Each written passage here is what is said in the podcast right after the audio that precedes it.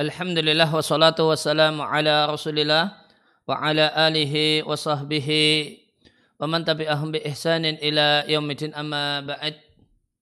Kaum muslimin dan muslimah rahimani wa rahimakumullah kembali kita lanjutkan membaca dan mentelaah risalah atau buku tipis berjudul khamsun wa khamsuna fa'idatan fi yaumi arafata 55 poin penting dan menarik seputar hari Arafah.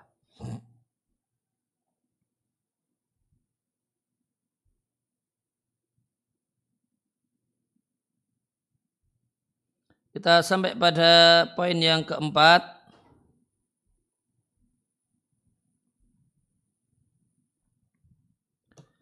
Disampaikan oleh penulis Hafizallahu Ta'ala Allah Ta'ala menyempurnakan agama pada hari Arafah saat hajatul wada. Mayoritas ahli tafsir mengatakan Allah sempurnakan agama dengan Allah menangkan agama yaitu al-Islam di atas seluruh agama. Dan di antara bentuk kemenangan tersebut sehingga tidaklah berhaji bersama kaum muslimin di tahun itu di tahun 10 Hijriah satupun orang musyrik. Ini yang pertama. Kemudian yang kedua bi isti'ab mu'dhami bi isti'abi mu'dhamil fara'idi wal hududi dengan tercakupnya dengan agama ini mencakup dengan agama itu pada agama ini yaitu Islam di hari itu mencakup mayoritas kewajiban-kewajiban agama wal hudud dan batasan-batasan serta halal dan haram. Maka pada saat hari Arafah tahun 10 Hijriah itu kewajiban-kewajiban agama yang sudah turun adalah mu'dham. Mayoritas. Belum semuanya. Kenapa dikatakan mayoritas? Di kalimat selanjutnya faqad nazalat ba'da hadil ayati iddatu ahkamin ada sejumlah hukum yang baru turun setelah Al-Ma'idah ayat yang ketiga ini. ini. Maka maka tadi dikatakan saat turun Al-Ma'idah ayat ketiga ya, kewajiban agama yang sudah siap adalah mu'zam mayoritas. Sehingga ada hukum-hukum yang baru turun setelah turunnya ayat di atas. Contohnya adalah ayat riba. Ayat riba. Demikian juga ayat kalalah. Ini. Maka ada yang disebut dengan istilah kalalah.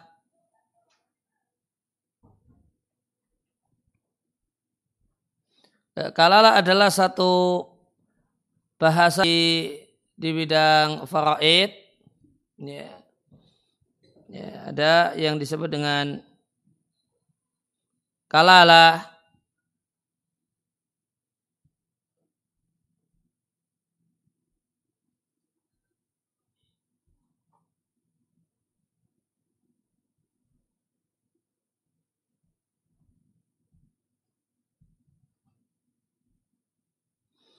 Kalalah itu kondisi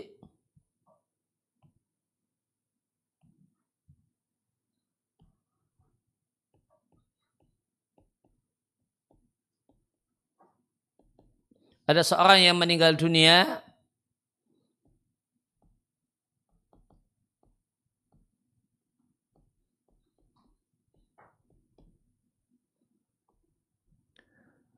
dalam keadaan tidak memiliki usul ya, tidak memiliki usul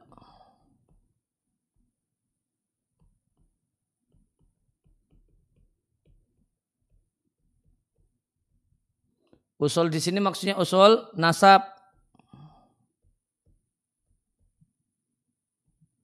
Orang tua, ayah ibu, kakek nenek, nah, itu usul nasab.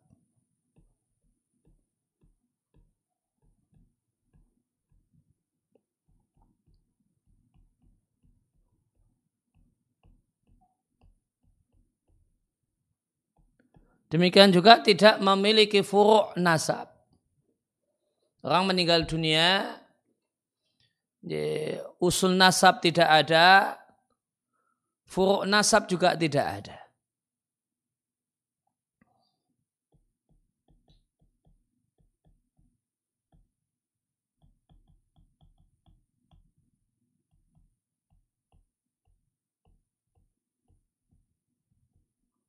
Ya, furuk nasab itu anak cucu.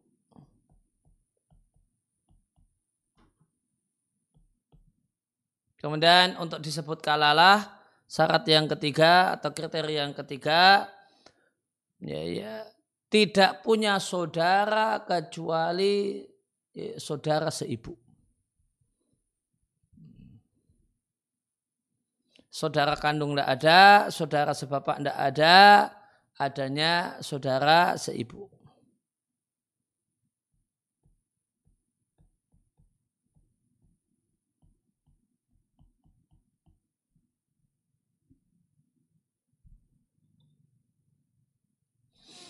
Nah, maka jika ada orang meninggal dunia dalam keadaan tidak memiliki usul nasab, tidak memiliki furuk nasab, ada saudara, ada, namun saudaranya hanya saudara seibu, Nah ini disebut dengan sebutan kasus kalalah. Nah, ayat faraid yang membahas tentang kalalah itu turunnya setelah Al-Maidah ayat ketiga.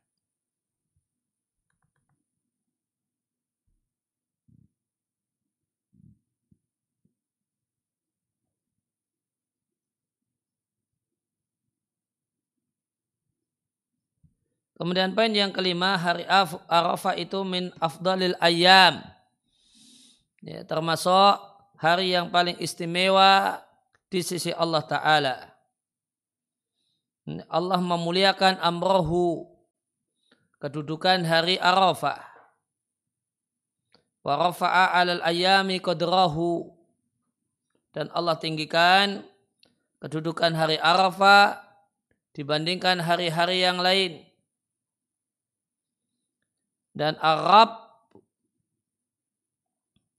dan Allah Subhanahu wa taala memberikan karunia fihi di hari Arafah kepada para hamba-hambanya. Ya, berkenaan dengan Arab, ya, kaidah dalam masalah ini, maka kata-kata Arab jika ya, sendirian tidak muqayyad, artinya adalah Allah Subhanahu wa taala. Namun jika eh, jika digandeng dengan kata-kata setelahnya maka bisa untuk makhluk. Yang di antara maknanya adalah uh, pemilik.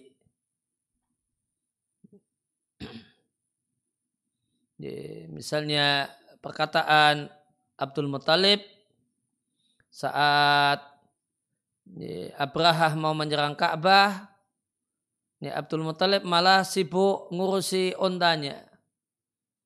Ya, maka orang-orang Quraisy mengatakan, ini Anda malah sibuk ngurusi onta, padahal itu ada uh, ada orang yang mau berbuat jahat dengan Ka'bah. Maka Abdul Muthalib mengatakan, Ana Rabbul Ibil. Aku adalah pemilik onta walil baiti rabbun yahmihi. Sedangkan Ka'bah itu memiliki Rabb yang akan menjaga dan melindunginya. Maka Rabbul Ibil. Ya, maka ada karena ketika digandeng dengan dengan kata yang lainnya ya, maka bisa untuk makhluk dan di antara ya, artinya adalah Rabbun Di antara artinya adalah sahib pemilik Rabbul Ibil.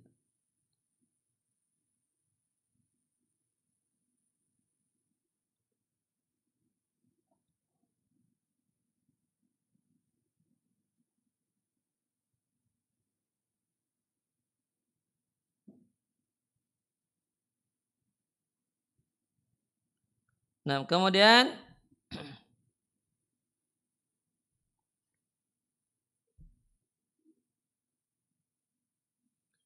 Fatujabu fihi ad-da'awat.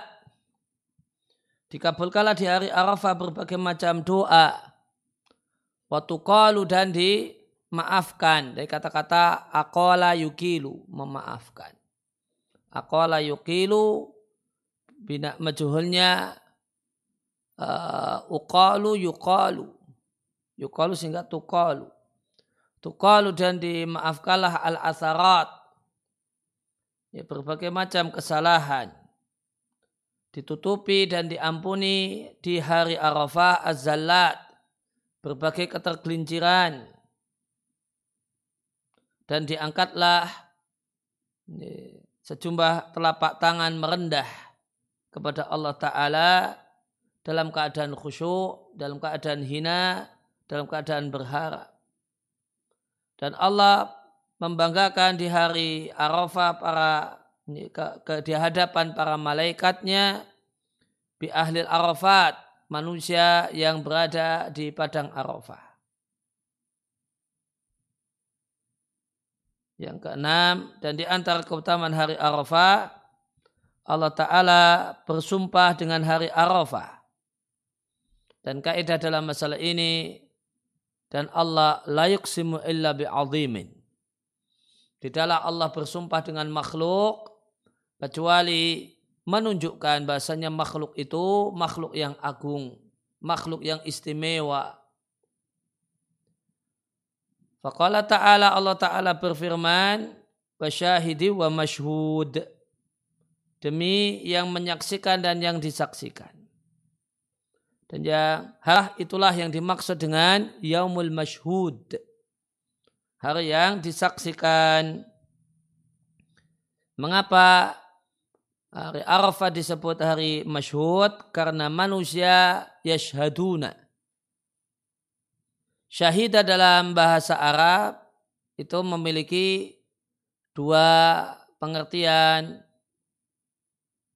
Ini bisa bersaksi seperti persaksian pengadilan dan bisa artinya hadir. Dan bisa artinya hadir. Datang, menghadiri itu yashaduna.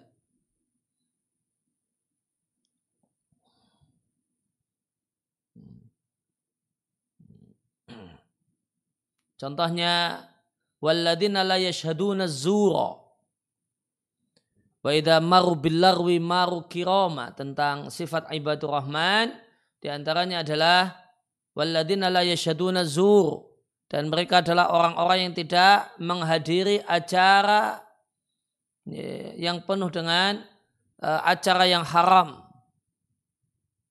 Tidak menghadiri acara yang haram.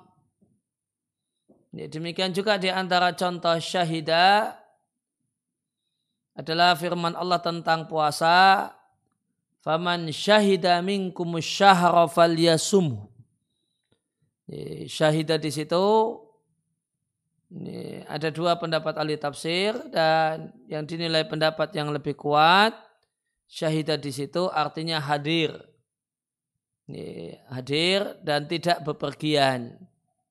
Maka siapa di antara kalian yang uh, yang tidak bepergian asyahra di bulan itu itu Ramadan falyasumhu wajib baginya berpuasa. Nah, maka hari Arafat disebut masyhud karena manusia yashadunahu artinya yahdurunahu menghadirinya dan kumpul di hari itu terdapat dalam tafsir wa syahidi wa masyhud terdapat dalam hadis marfu' marfu' artinya sabda nabi atau perbuatan nabi. Yaumul mau'ud adalah hari hari kiamat. Sedangkan yaum masyhud adalah hari arafah.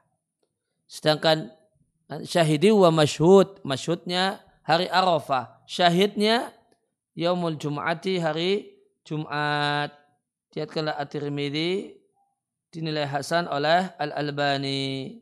Maka wasyahidi wa masyhud demi hari Jumat, wasyahidi demi hari Jumat, wa masyhud dan demi hari Arafah. Dan untuk melengkapi kita kita cek tafsir Ibnu Kasir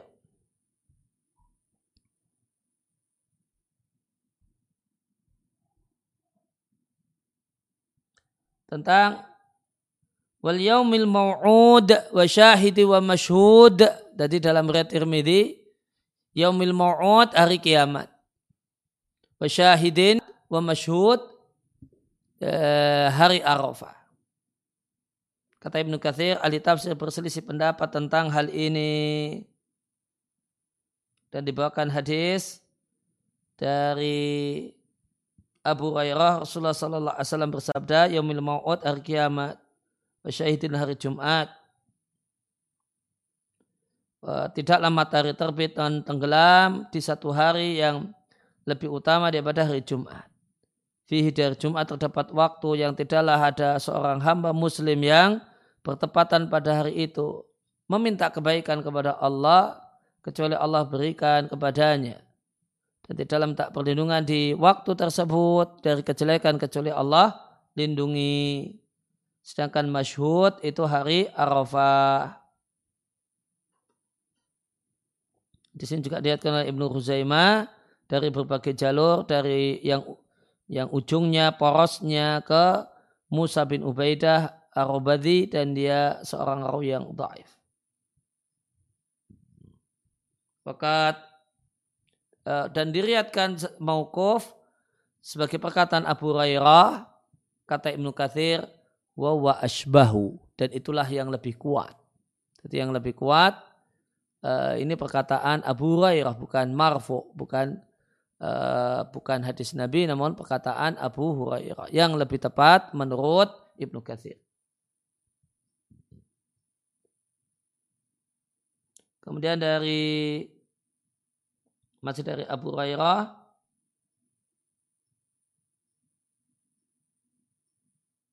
Amma Ali farfa'ahu ila Nabi wa amma Yunus falam eh, ya'ud uh,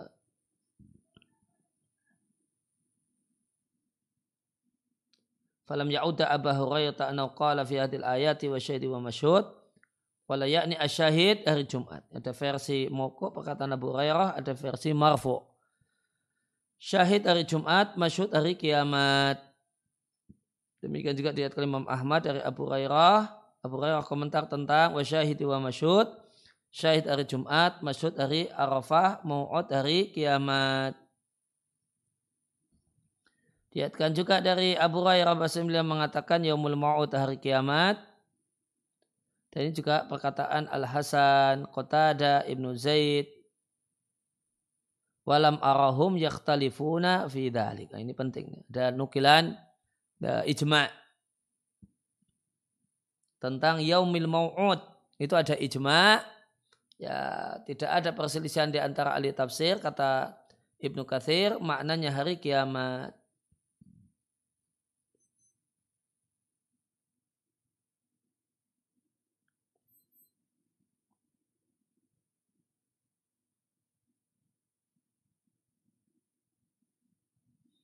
Ini maka semuanya hari Yaumul Mau'ud dan seterusnya.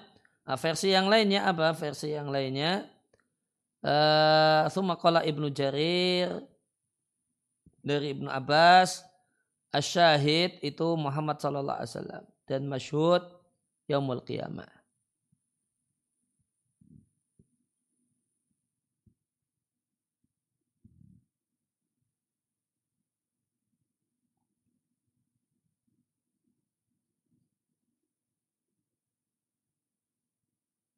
Al Hasan bin Ali mengatakan La walakin asyahid saya itu Muhammad sallallahu alaihi wasallam maksud itu yaumul qiyamah. Ini juga penjelasan Al Hasan Al Basri.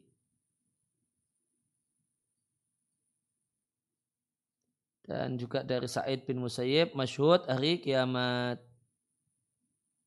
Mujahid Ikrimah Ad-Dhahak mengatakan syahid ibnu Adam manusia masyhud yaumul kiamah.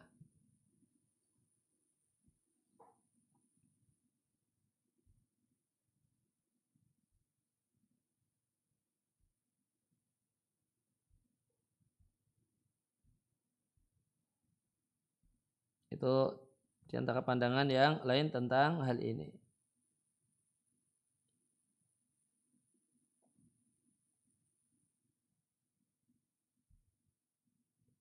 Ya, kemudian poin ke, kembali ke bab 7.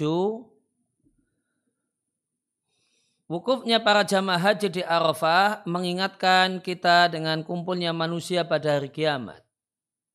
Dan para jamaah haji memakai kain ihram yang berwarna putih, meskipun sebenarnya warna putih ini bukan sebuah keharusan. Namun satu hal yang dianjurkan. Mengingatkan kita dengan kematian dan kain kafan. Allah Ta'ala berfirman tentang hari kiamat. Inna fi dhalika la ayat liman khafa adab al-akhirah. Dalam hal itu terdapat ayat bagi siapa saja yang takut siksaan akhirat. Adab al-akhirah berarti ini idofah mengandung makna fi. Adaban fil akhirah. Sebagaimana adabul kubri ini adabun fil kubri. Dalika yaumun majmu'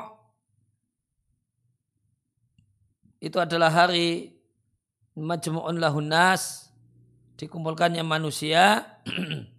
Wadalika yaumun masyhud dan itu adalah hari yang disaksikan.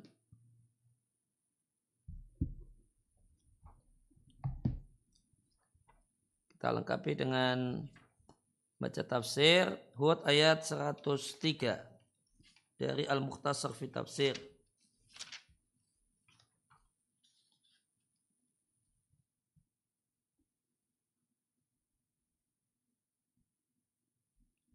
Dalikannya itu di Al-Mukhtasar fi Tafsir. Sesungguhnya dalam azab Allah yang keras terhadap kampung-kampung yang penduduknya zalim itu terdapat ayat. Ayat di sini maknanya ibrah. Terdapat ibrah dan nasihat bagi orang yang takut siksaan pada hari kiamat. Itulah hari Allah mengumpulkan manusia untuk menghisap mereka, untuk memperhitungkan amal mereka.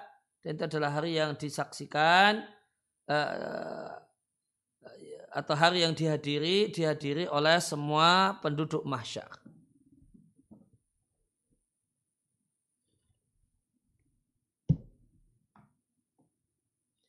Kemudian yang kedelapan dan di antara keistimewaan hari Arafah, hari Arafah itu adalah adalah al-water, makhluk yang Allah gunakan sebagai sumpah di surat Al-Fajr. Allah Ta'ala berfirman, wasyaf'i wal water. Demi yang genap dan ganjil. Kata Ibnu Abbas, Ikrimah dan Ad-Dohak, yang dimaksud genap itu hari nahar tanggal 10. Karena 10 itu genap. Ya, kenapa disebut? Karena yang menahar tanggal 10 likaunil ashir. Karena dia tanggal 10 dan 10 itu genap.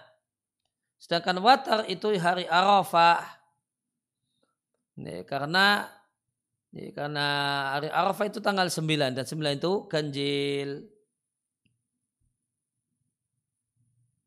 Kemudian yang kesembilan terdapat riwayat yang sahih dari Abu Zubair dan Jabir radhiallahu anhu dari Abu Zubair dari Jabir Rasulullah Shallallahu Alaihi Wasallam bersabda tidak ada satu hari yang lebih istimewa di sisi Allah dibandingkan hari Arafah. Allah turun ke langit dunia dan Allah membanggakan penduduk bumi kepada penduduk langit yaitu para malaikat. Valid dari Ummu Salamah radhiallahu anha beliau mengatakan sebaik-baik hari adalah hari Allah turun di hari tersebut ke langit dunia.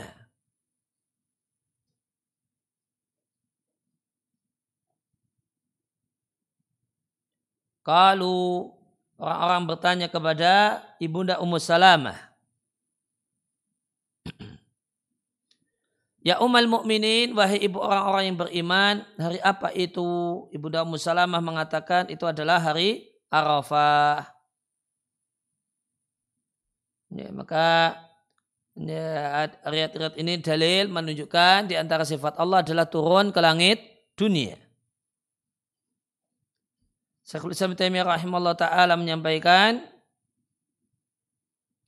Allah menceritakan tentang dirinya, bahasanya dirinya Allah itu turun di Asyiyah di waktu di waktu sore itu sejak matahari geser ke barat pada hari Arafah dalam sejumlah hadis-hadis yang sahih. Yang ke-10. Allah memberikan nikmat dengan bebas dari api neraka di hari Arafah untuk siapa saja yang Allah kehendaki. Nah, dan orang yang Allah kehendaki di sini mencakup yang pertama man waqafa bi arafata. Jamaah haji yang wukuf di Arafah. Dan apakah terbatas mereka? Ternyata tidak. Wa man lam yakib biha. Dan yang kedua, yang tidak wukuf di Arafah. Yang disebut dengan sebutan ahli amsor penduduk berbagai macam negeri dan kota dari kalangan kaum muslimin. Jadi bebas dari api neraka pada hari Arafah itu untuk seluruh kaum muslimin. Baik yang berkesempatan jadi jamaah haji di Arafah ataupun yang bukan. Oleh karena itu hari setelahnya menjadi hari raya seluruh kaum muslimin di seluruh negeri. Baik orang yang menghadiri al-mausim. Mausim di sini maksudnya mausimul hajj. Menghadiri menghadiri musim haji yaitu event haji ataupun yang tidak menghadiri event haji. Kenapa tanggal 10 itu hari raya untuk semuanya? Lishtirakihim. Karena semuanya itu memiliki kesamaan dimerdekakan dari neraka dan mendapatkan marfirah ampunan pada hari Arafah. Dan, dan kaum muslimin seluruh kaum muslimin tidaklah membersamai fil haji dalam haji setiap tahunnya sebagai bentuk kasih sayang dari Allah dan keringanan dari Allah untuk hamba-hambanya. Karena Allah jadikan haji itu kewajiban sekali dalam seumur hidup. Bukan kewajiban tahunan. Kemudian yang ke-11. Hari Arafah adalah hari berbaik sangka kepada Allah. Hari tidak putus asa dengan kasih sayang Allah.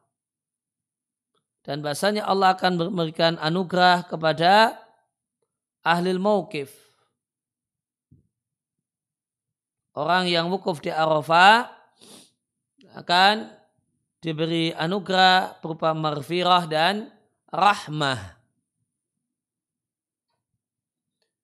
Di hasiah salah satu usul itu terdapat penjelasan makna kalau marfirah digandeng dengan rahmah. Maka marfirah itu untuk pengampunan terhadap dosa yang telah terjadi. Sedangkan rahmah itu adalah taufik di masa depan ini, untuk melakukan amal kebajikan dan terhindar dari eh, hal-hal uh, yang haram. Jadi kalau marfirah digandeng dengan rahmah, maka marfirah itu untuk masa lalu, sedangkan rahmah itu untuk masa depan. Masa lalu berupa ampunan dosa, masa depan berupa taufik untuk taat dan terhindar dari dosa. Dari Abdullah bin Mubarak rahimallahu taala, aku menemui Sufyan Atsauri di Asyiyah. Asyiyah itu setelah matahari geser ke barat. Karena waktu pengampunan dosa di hari Arafah itu setelah matahari geser ke barat.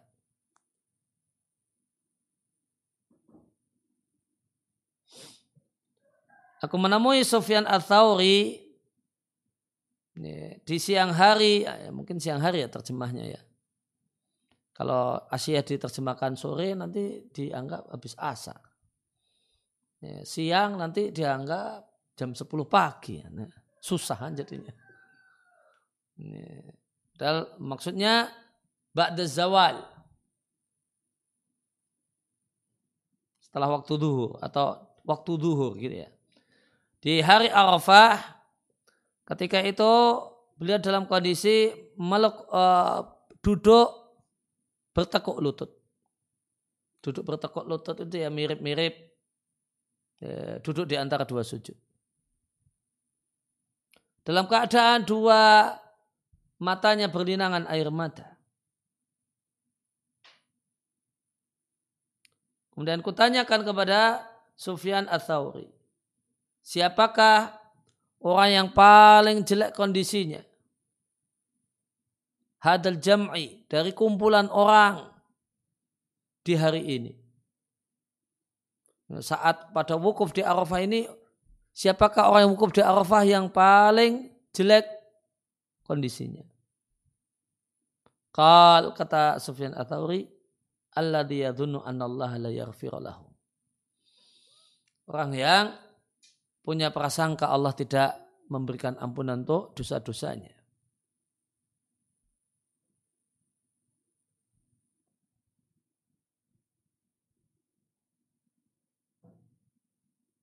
Kemudian ya, ilmu penting di ada di poin yang ya, poin yang ke-12 menegaskan yang tadi telah disinggung. Keistimewaan hari Arafah berupa terbebas dari neraka dan mendapatkan ampunan dosa. Fi hadzal yaumil azim di hari agung ini yaitu hari Arafah la yakhtassu bil hujaj itu tidak khusus untuk jamaah haji. Dan tidak khusus untuk ahlul mauqif, orang yang wukuf wahdahum saja tanpa yang lainnya. Bukan. Bal huwa amun likulli muslimin. Namun ini bersifat umum untuk kaum muslim. La ilaha illallah. Nikmat yang sangat luar biasa. Karunia yang sungguh sangat berlimpah. Jadi itu amun likulil muslimin. Itu bersifat umum untuk setiap muslim. Namun setiap muslim yang seperti apa? Alladzina amilu bi asbabi hadzal itqi wal maghfirati.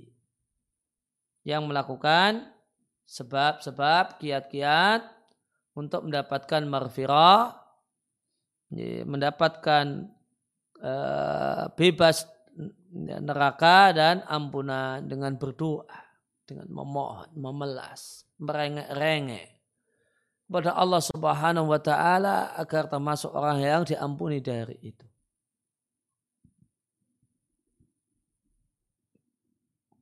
Tapi ditekaskan di poin yang ke-13 keutama al dalil yaum. Jadi keutamaan Arafah itu untuk harinya. Bukan hari dan tempat. Atau tempat saja. Namun lil yaum. Ya, untuk harinya. Sehingga mencakup ya, orang yang ada di Arafah dan yang tidak ada di Arafah.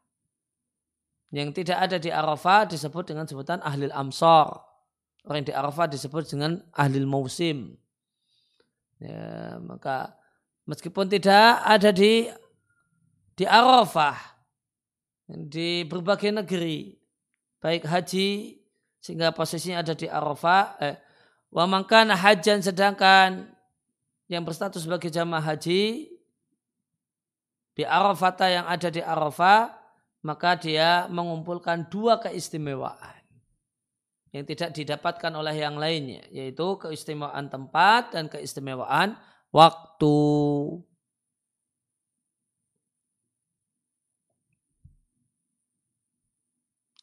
Poin yang ke-14, dianjurkan bagi seorang muslim di hari ini, di hari Arafah memperbanyak ketaatan dan amal yang mendekatkan kepada Allah.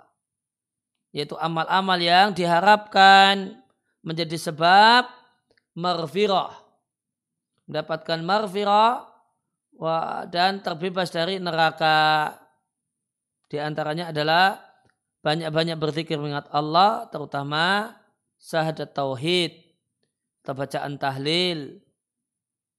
Yang baca yang kalimat tauhid adalah asludinil Islam. Adalah pondasinya agama Islam, asasnya asas Islam. Yang Islam itu Allah sempurnakan pada hari itu.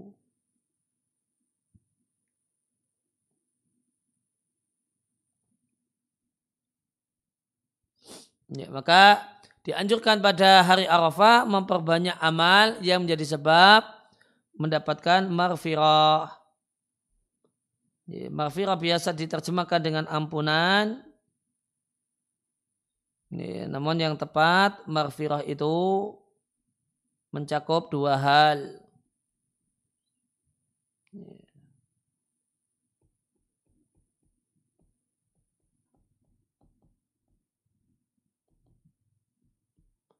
yaitu tidak dihukum mendapatkan ampunan, tidak dihukum atas kesalahan yang dilakukan,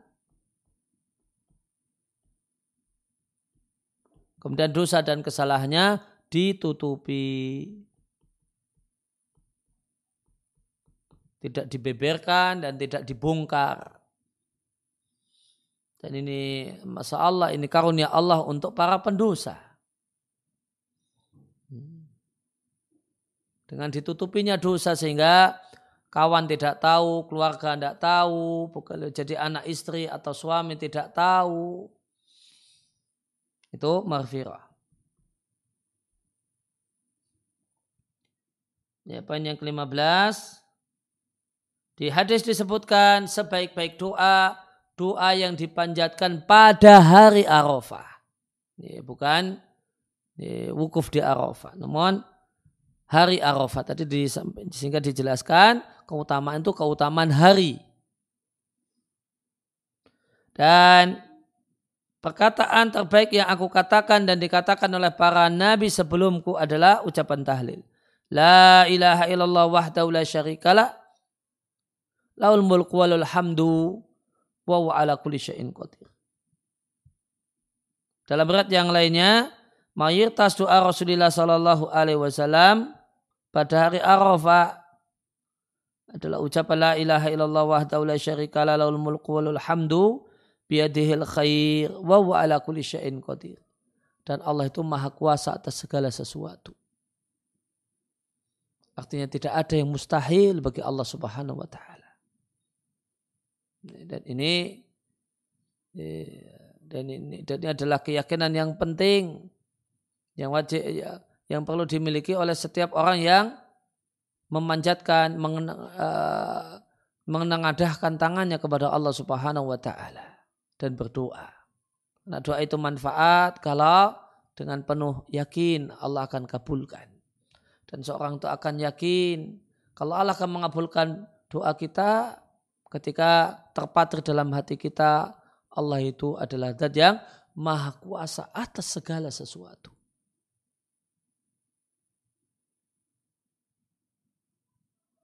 Sehingga setelah dikatakan bahasanya sebaik-baik sebaik-baik doa adalah doa yang dipanjatkan pada hari Arafah, maka bacaan yang banyak dibaca saat hari Arafah adalah kalimat tahlil yang ditutup dengan wa wa ala kulli syai'in qadir dan Allah itu maha kuasa atas segala sesuatu. Perbanyaklah doa di hari Arafah, yakin dan sadarlah bahasanya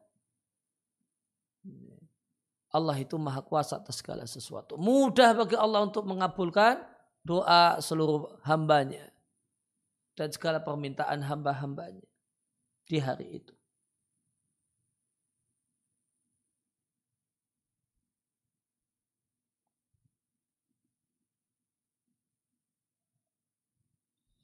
Kemudian ya, menimbang kaidah Bahasanya balasan itu sejenis dengan amal yang dilakukan. Maka siapa memerdekakan rokobatan budak, maka Allah akan e, memerdekakan tengkuknya dan dirinya dari neraka. Rokobah mana asalnya leher. Nah yang dimaksud dengan leher ini adalah dan semua orangnya dan utuh satu ya, satu sosok bukan hanya leher saja.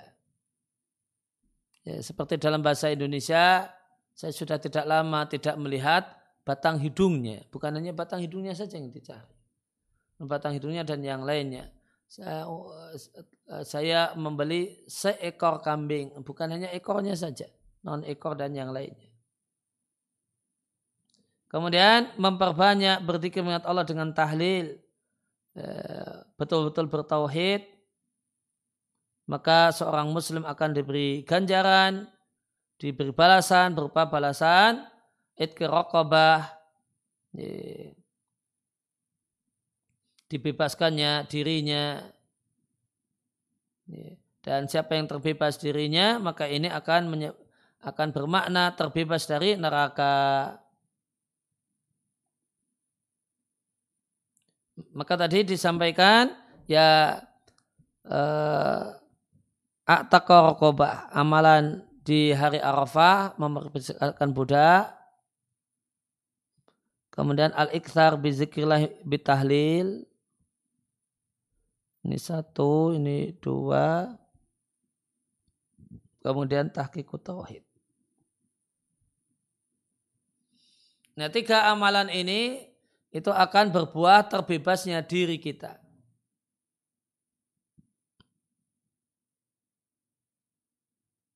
Kemudian di poin selanjutnya diberi dalil. Sahadat tauhid yaitu la ilaha illallah itu setara dengan memerdekakan Buddha.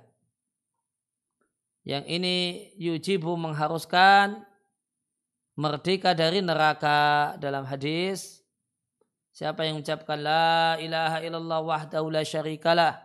Laul mulku walal hamdu wa ala kulli syai'in qadir dalam sehari seratus kali maka itu kanat lahu maka itu setara dengan maka baginya itu setara dengan sepuluh orang budak yang dimerdekakan dan dicatat untuknya pahala seratus kebaikan dihapuskan dari dirinya seratus dosa.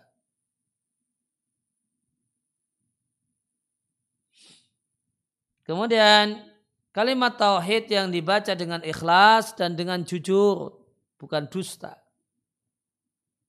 Itu akan menghancurkan dosa dan menghapusnya betul-betul terhapus dan tidak menyisakan satupun dosa.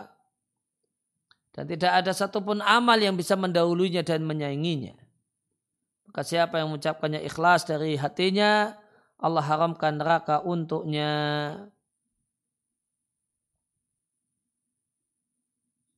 Kemudian poin yang ke-19, eh, para pendahulu kita yang saleh radallahu anhum. Mereka adalah orang yang bersungguh-sungguh untuk melakukan berbagai macam amal kebaikan dan kebaikan di hari ini. Salah satu sahabat Nabi Hakim bin Hizam radallahu anhu Beliau wukuf di Arafah dan ketika itu beliau membawa seratus unta. Bayang muqalladah ya, yang diberi kalung dikasih dikalungi apa eh, lehernya dengan sesuatu kemudian kalungnya itu nanti di eh, apa dikasih talinya nanti dikasih sesuatu misalnya di zaman Nabi di antaranya eh, dikalungi dan dipasangi sandal atau yang lain. Dan itu artinya unta ini unta hadyu, unta yang dihadiahkan untuk ya, untuk tanah haram. Kalau dia muqalladah itu artinya unta hadyu. Dan 100 budak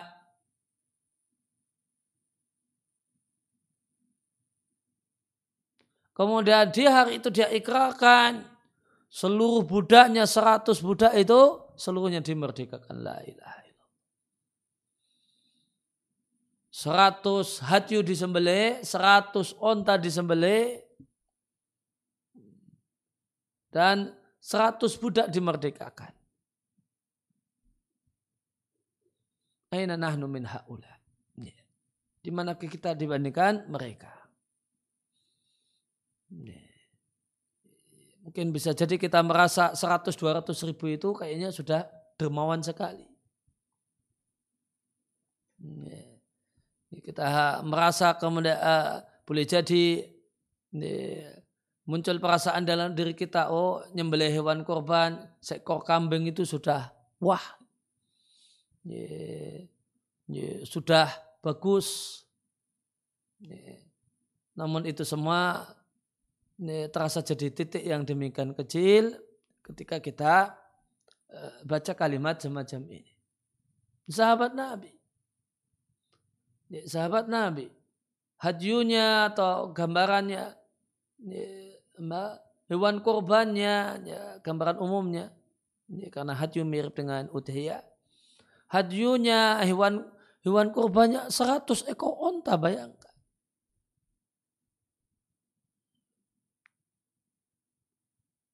Ya, kita seekor kambing saja sudah merasa merasa bagus, merasa sudah soleh, merasa sudah beramal, merasa sudah dermawan.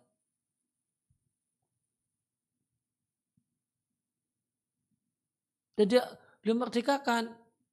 100 orang budak. Kalau seorang budak itu ya, harganya mungkin misalnya 50 juta. Ya, ya, berapa nilai rupiah yang yang dikeluarkan oleh sahabat ini? Ini Hakim bin Hizam dia ada ini masih Hakim bin Hizam ini masih kerabatnya ibunda Khadijah radhiallahu taala anha.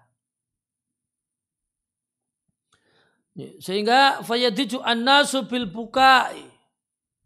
Maka gegerlah orang dengan tangisan.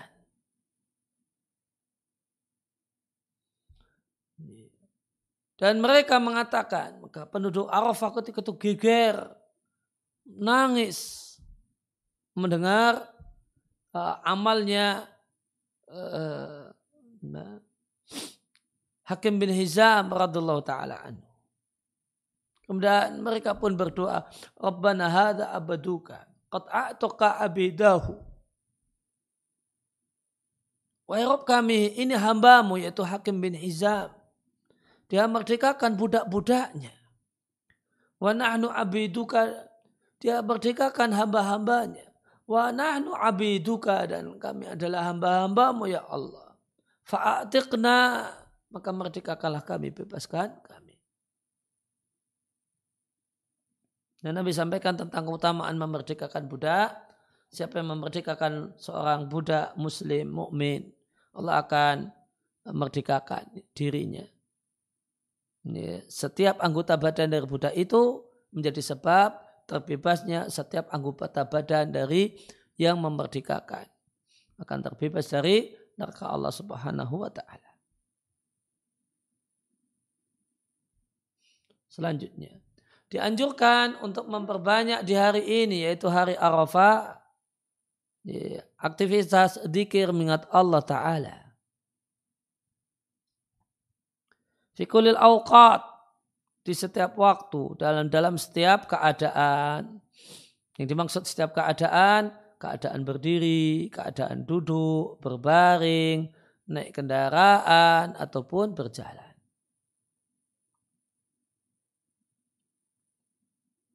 Kemudian memperbanyak tahlil, takbir dan tahmid.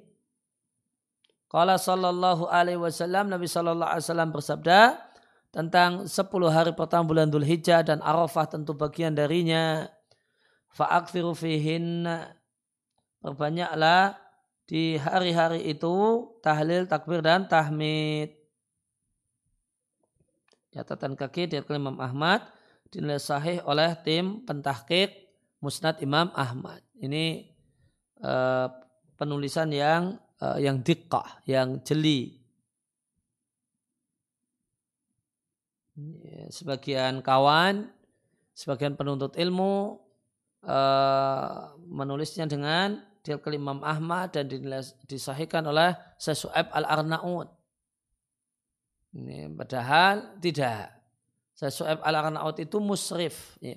Jadi ini ada tim men, men, meneliti Musnad Imam Ahmad. Ya, nanti di setiap jilid itu ada anggotanya beda-beda. Jilid ini timnya satu dua tiga. Jilid ini timnya satu dua tiga. Nah sedangkan al musrif al am ketuanya yang menjadi penanggung jawab atas semuanya ya, jadi musrifnya adalah Syekh al Arnaud jadi maka beliau cuma mengepalai tim. Ini. Jadi yang uh, misalnya jilid jilid ini itu yang memberikan penilaian sahih dan daif itu tim. Nanti hasil tim dibaca oleh Syekh Al-Qanaud dan beliau mana yang beliau tidak setuju, beliau kritik dan sebagainya, beliau cek dan seterusnya. Nah, nanti setelah disunting oleh Syekh Al-Qanaud baru di ya maka uh, terbit gitulah gambarannya demikian. Sehingga bukan dinilai sahih oleh Syekh Su'aib Al-Arnaud namun oleh tim ya, pentahqiq Musnad Imam Ahmad.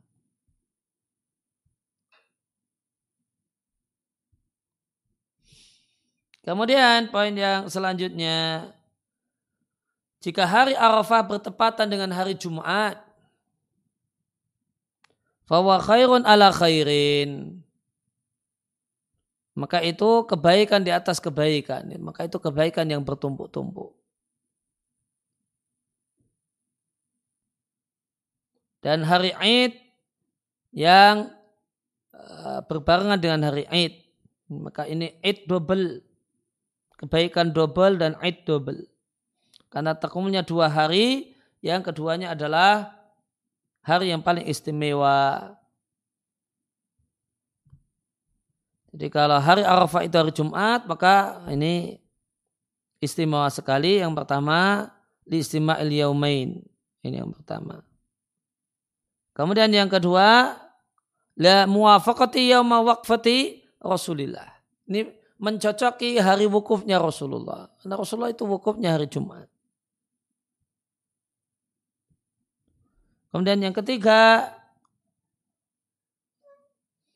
Maka waktu doa mustajab hari itu kumpul. Doa mustajab di hari Arafah itu ba'da duhur sampai tenggelam matahari. Itu doa mustajab di hari Arafah itu setelah matahari geser ke barat waktu duhur sampai tenggelam matahari.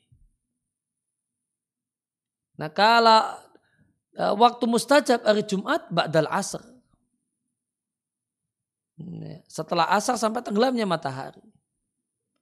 Nah, maka do ketika ketika Arafah itu hari Jumat, maka waktu habis asarnya demikian istimewa.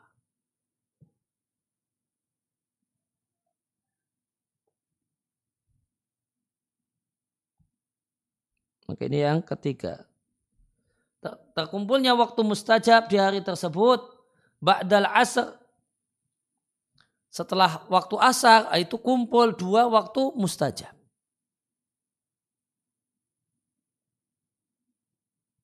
Ya, untuk yang ba'dal asar. Habis Jumat waktu mustajabnya ba'dal asar.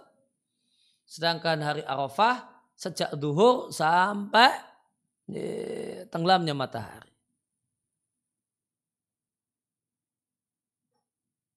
Ma'awukufi ahli mawqif li du'a wa tadarru ditambah wukufnya orang-orang yang wukuf untuk berdoa dan merendahkan diri kepada Allah dan keutamaan yang lainnya.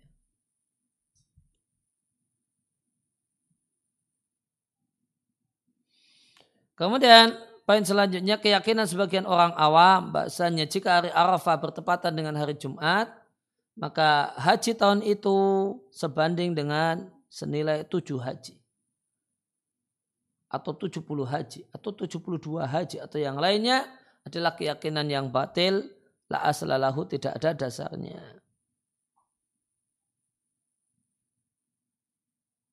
Demikian juga keyakinan uh, banyak kaum muslimin di negeri kita di Indonesia kalau wukuf wukuf itu hari Jumat maka itulah yang disebut dengan hari haji akbar.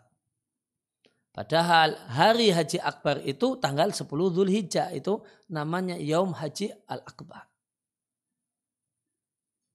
Bukan uh, musim haji akbar karena hajinya uh, karena wukufnya bertepatan dengan hari Jumat. Bukan demikian. Kemudian puasa Arafah untuk bukan jamaah haji dan sunnah Nabi. Dan kebuntungan yang paling besar.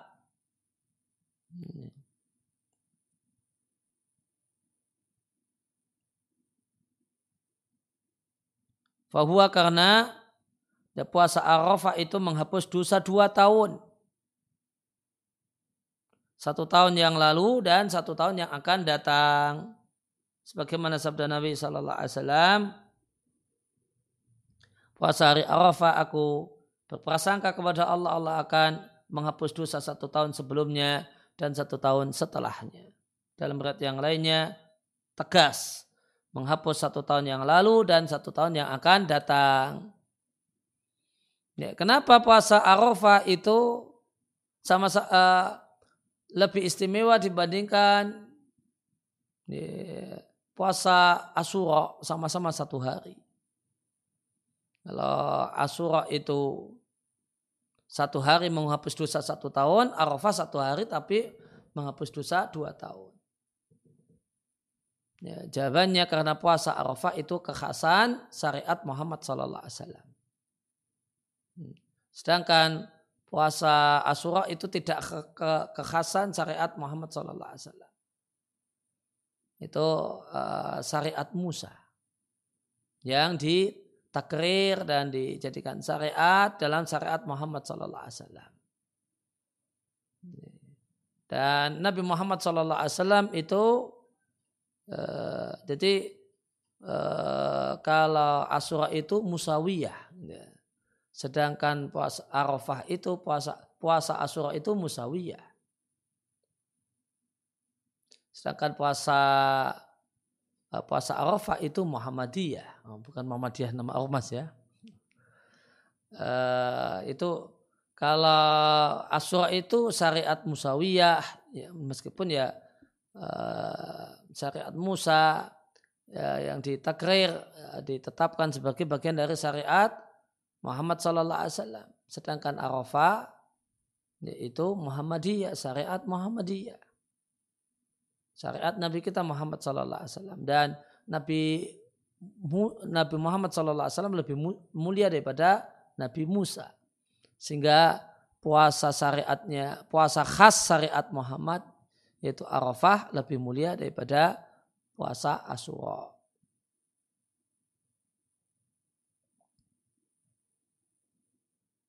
Nah, nah naktafi bihadal qadar wa sallallahu wasallam ala, ala nabiyina Muhammadin wa ala alihi wa sahbihi wa salam. Wa da'wana alhamdulillahi rabbil alamin. Subhanakallahumma wa bihamdika. Asyhadu an la ilaha illa anta astaghfiruka wa atubu ilaik